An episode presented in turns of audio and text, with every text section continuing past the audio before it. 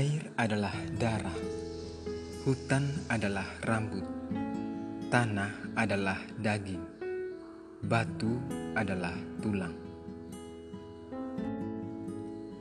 Halo sobat semua, perkenalkan Beta Yosbataona, mahasiswa asal Flores.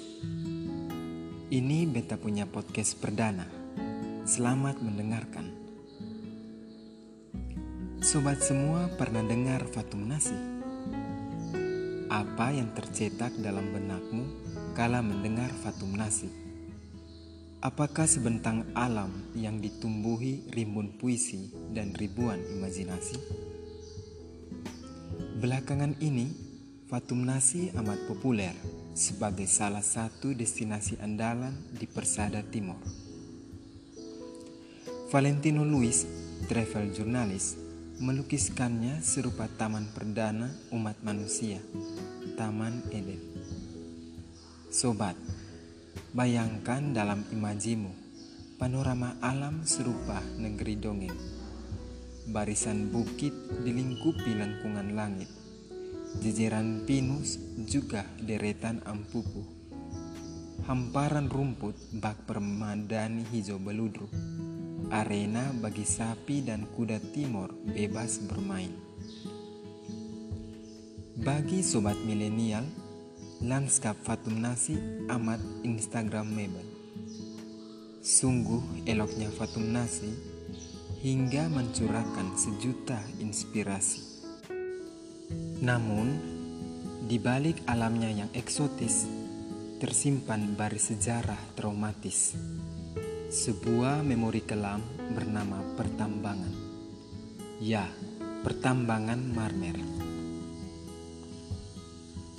Ketika menyambanginya, medio 2019, mata saya tertumbuk.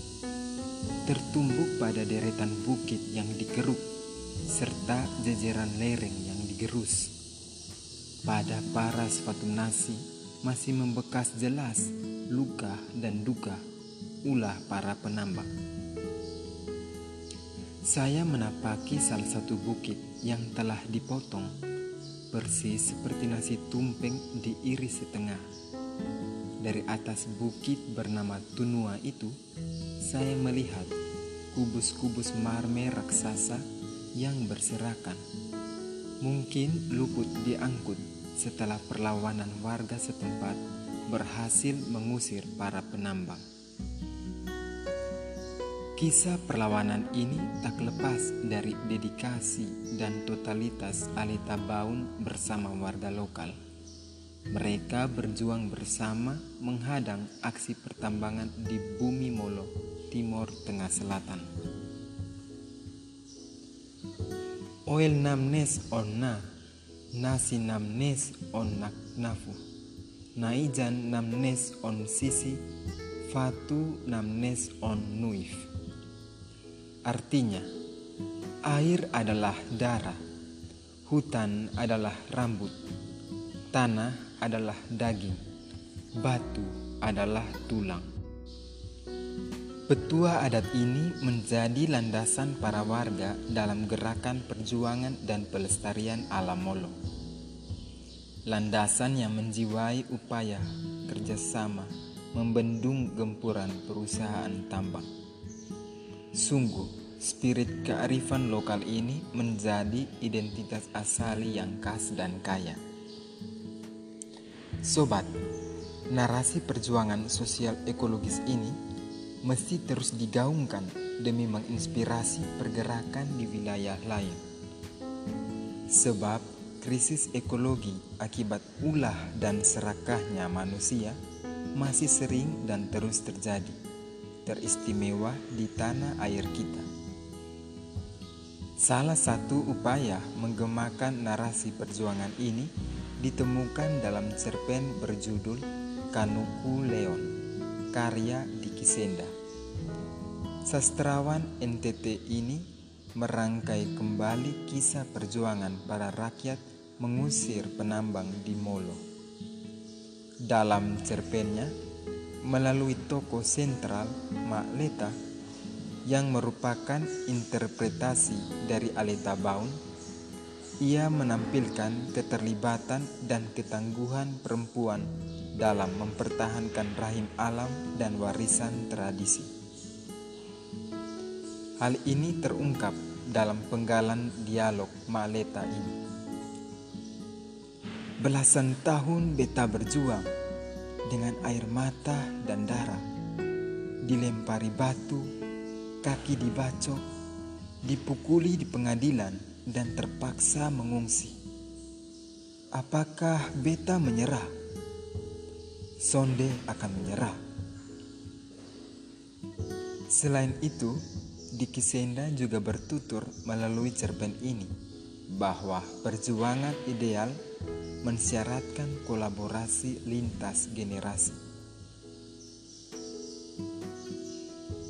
sebagaimana ditampilkan tokoh kaum muda Kanala, Kinali, dan Gabriel. Mereka berikrar menjadi penerus perjuangan Makleta. Ketiganya telah menjadi angkatan muda Molo yang peduli pada keadilan ekologis dan kesetaraan gender. Hal ini menandaskan peranan kaum muda yang amat penting pada masa kini. Cerpen Kanukuleon menjadi bukti nyata bahwa karya sastra turut terlibat dalam menyuarakan narasi ekologis. Karya sastra yang mengusung tema dan isu lingkungan ini digolongkan aliran sastra hijau. Oh iya, apakah sobat pernah membaca karya sastra hijau yang lain selain Kanukuleon? Kehadiran produk sastra hijau amat diperlukan di masa ini. Sebab sastra hijau turut serta menyuarakan pesan sosial ekologis. Setiap produk aliran ini menampilkan krisis ekologis yang mungkin tak disorot di panggung lain. Sobat, bagaikan jembatan, sastra hijau menjadi penghubung antara penulis dan pembaca demi membangun dialog yang lebih intens. Dialog ini akan menghindarkan bahaya laten cerita tunggal agar setiap isu sosial ekologis mampu dilihat dari kacamata bersama. Inilah saatnya kita berkiblat ke sastra hijau. Para penulis ditantang untuk menjaga kokohnya jembatan sastra hijau dengan menciptakan karya sastra hijau yang berorientasi kearifan lokal.